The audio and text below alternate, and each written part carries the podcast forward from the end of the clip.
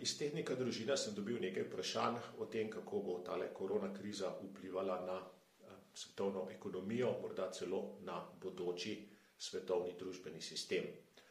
Prvo vprašanje je bilo, kakšne pomakljivosti ali morda celo temeljni problemi sedanjega sistema so se pokazali v zdajšnjih razmerah, torej v ukrepih zaradi pandemije. Dej, pandemija je posledica tistega bibličnega nasveta Adamu in Evi, pravi: Bodite rodovitna in množite se, napolnite zemljo in si jo podvrzite. Človeštvo je ta in druge nasvete iz svetih knjig upoštevalo, napolnilo zemljo in s tem se je povečala gostota poselitve in ta nas dela bolj ranljive za kužne bolezni. Če bi živeli v revščini, kamene dobe, epidemije še opazili ne bi, ker bi umirali od lakote divjih živali, nesnage in bolezni, ki jih zdaj z lahkoto obvladujemo. Pandemija ni opozorila na napake v sistemu, ampak kvečemu na naš napuh, na zablodo, da smo vsemogočni. Nismo vsemogočni, iz oblakov nas je postavila na trdna tla kot ljudi, kot posameznike, ne pa kot sistem. Sledi vprašanje, kaj menimo o tem, da je morda sedajni sistem preveč špekulativen, da temelji na finančnih trgih. Zdaj, v krščanski moralni tradiciji je nekaj ljudskega nezaupanja v trgovce in finančnike. Za pravo delo velja okopavanje na polju ali kovanje v kovačnici, ne pa da nekdo poceni kupi ali draže proda ali še huje, da posodi denar in bi ga rad več dobil nazaj.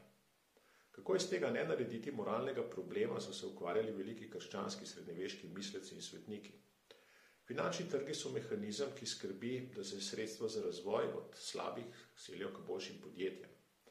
Kot vsaka človeška inštitucija imajo seveda svoje napake, ki jih regulacija lahko zmanjša, špekulacije pa se najbolj učinkovito prepreči tako, da se špekulacije ne splačajo. Sledi vprašanje, kakšen bi bil po mojem mnenju ustreznejši ekonomski sistem in kako ga doseči. Sem se vprašal, a to sprašuje družina ali mladina. No, ker se je človeštvo srečalo z novim virusom in ni v nekaj mesecih našlo zdravila, to ni nikakršen razlog, da bi spet pogrevali ideje o tem, da bi zamenjali ekonomski sistem, kot smo ga pri nas leta 1945. Revolucionarne spremembe, ki si jih je izmislilo par tako imenovanih intelektualcev, se še nikoli niso obnesle. Človeštvo počasi dogrojuje svoje družbene inštitucije, poskuša to ali ono in tu in tam se kaj obnese. Večina novotarij pa ne, še posebej, če so nasprotne redu, ki se je oblikoval tisočletja, ki je, kot je rekel Brk, rezultat božjega pohoda skozi svet. In kako se je to aplicirati na slovenske razmere? V slovenskih razmerah to pomeni, da je potrebno tem večnim revolucionarjem še naprej dopovedovati, da so protinaravne ideje bankrotirale s pacem berlinskega zidu, da brez dela ni jela, da se brez muje še čevelj ne obuje, da je zrno na zrno pogača, da velja ne laži, ne kradi, ne želi svojega bližnjega blaga, vse to še kar velja. Žal ni ostalo dosti bankrotiranih sivih socialističnih režimov, na katere bi lahko pokazali, da tam zadeve ne delujejo. Skoraj cel svet je prevzel tržno gospodarstvo in mu gre dobro. Še nikoli toliko ljudi ni tako dobro živelo kot danes, imelo vodo, hrano, zdravstvo, šole. Naslednje vprašanje je bilo, kako v prihodnje v ekonomski sistem čim bolje integrirati načeli pravičnosti in solidarnosti, naprimer pravično delitev dobrin, družbeno odgovorno rabo lastnine, razmerje med pravico do zasebne lastnine in solidarnosti in tako dalje. Zdaj, v jedru pravičnosti in solidarnosti je nek občutek za recipročni altruizem. Pripravljen sem nekaj narediti za drugega, če bodo tudi drugi kaj naredili za me. Tako se ne obnaša samo človek, tako ravnanje se splača mnogim živim bitjem recipročno medsebojno skrb dojemamo kot pravično. Kadar pa drugi po svojih močeh ne vrača, to razumemo kot izkoriščanje. Recipročnost je v tem, da sta kupec in trgovec po prodaji zadovoljna, kupec ima raje klobaso kot denar, trgovec pa ima raje denar kot klobasa. Delodajalec ima raje deločevo delo kot denar, delavec pa ima raje denar kot da bi le najel. Zadovoljstvo je seveda bolj verjetno, če je izbira med trgovci, med klobasami, med kupci, med delavci in delodajalci. In da je ta izbira svobodna, da nihče nikogar nikamor ne sili.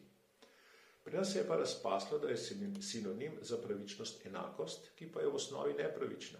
Iz ljudi, ki so različni, različnih sposobnosti in talentov, lahko enakost ustvarite samo z nasiljem. In razpaslo se je, da je solidarnost pravica, namesto da bi bila skrb za sočloveka človeka naša dožnost. Zauzemanje za družbeno odgovorno rabo lastnine je pravzaprav napad na dostojanstvo posameznika. Če ne bi z lastnino delal družbeno odgovorno, pomeni, da mora ravnati družbeno odgovorno. Kaj je družbeno odgovorno? Seveda predpiše država in rezultat ni dosti drugačen od totalitarizma. Alternativa je, da z lastnino ravnati tako, kot hočejo drugi posamezniki recimo, da vložite v mesnico in če bodo ljudje kupovali klobase, boste s tem mnogi naredili, mnogim naredili veselje in bo to nad vse družbeno odgovorno. Vprašanje, ali pri pobudah za drugačno ekonomijo vidim tudi možne stran poti. Ja, meni pobude za drugačno ekonomijo sploh niso všeč, to je ena sama stran pot. Je pa politično zelo uporabna. Mar ni najlažje pridobiti ljudi zase, če jim obljubite denar drugih ljudi?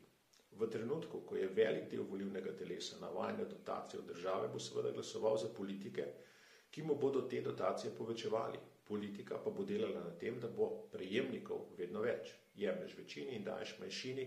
To je recept za volivni uspeh. Ne pa tudi za gospodarskega. Če hočete, da bo premoženja v neki državi vedno več, mora nekdo delati, da se povečuje. In delov ne bo, če se dovi dela, lastnina ne bo varna. No in še vprašanje, kako komentiram papeževe nagovore o drugačni ekonomiji. Ja, vidim nek smisel v tem, da je crkva ločena od države in da se Bogu daje, kar je Božjega in državi, kar je cesarjevega. Kristusovo kraljestvo ni od tega sveta in vloga crkve ni v tem, da nas osrečuje in lepša življenje na tem svetu, ampak naj bi nas pripravljala na večnost. Naj se ukvarja s tem, da bomo dobri ljudje, ne da bomo imeli dobro državo ali politični sistem, ki bo na rekovajih delal dobro in bodo ljudje lahko slabi. Cerko bi lahko okrepila Karitas in podobne organizacije in pomagala ljudem v stiski od blizu, tistim, ki pomoč res potrebujejo. To veš toliko boljše, kolikor si jim bliže.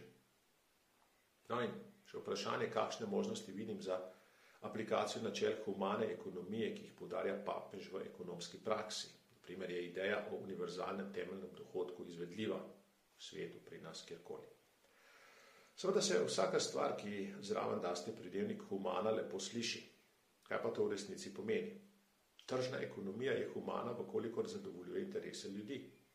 So pa ljudje pozabili, da so napuh, požrešnost, lenoba, zavist, grehi. Če bodo, če bodo ljudje manj grešni, bodo naredili tudi manj grešno ekonomijo. Tako pa je občutek, da so nekateri grehi postali kreposti, naprimer zavist in lenoba. Vkolikor bi bil univerzalni temeljni dohodek lahko potuha za lenovo, sem proti. Vkolikor gre za to, da gre za drugačno obliko pomoči tistim, ki si res ne morejo pomagati, sem za. Ampak v tem primeru bi nehal biti to univerzalen dohodek. In še, ali bo svet po pandemiji bolj povezan ali manj, kakšno prihodnost napoveduje mednarodnim organizacijam in Evropski uniji. Zdi se mi, da smo v tej pandemiji ljudje začutili, da smo del iste družine, da smo vsi enako ranljivi, ko gre za bolezni, da enako umirajo na Kitajskem, v Italiji, v Ameriki. Politično in gospodarstvo pa, gospodarsko pa bo svet nekaj manj povezan.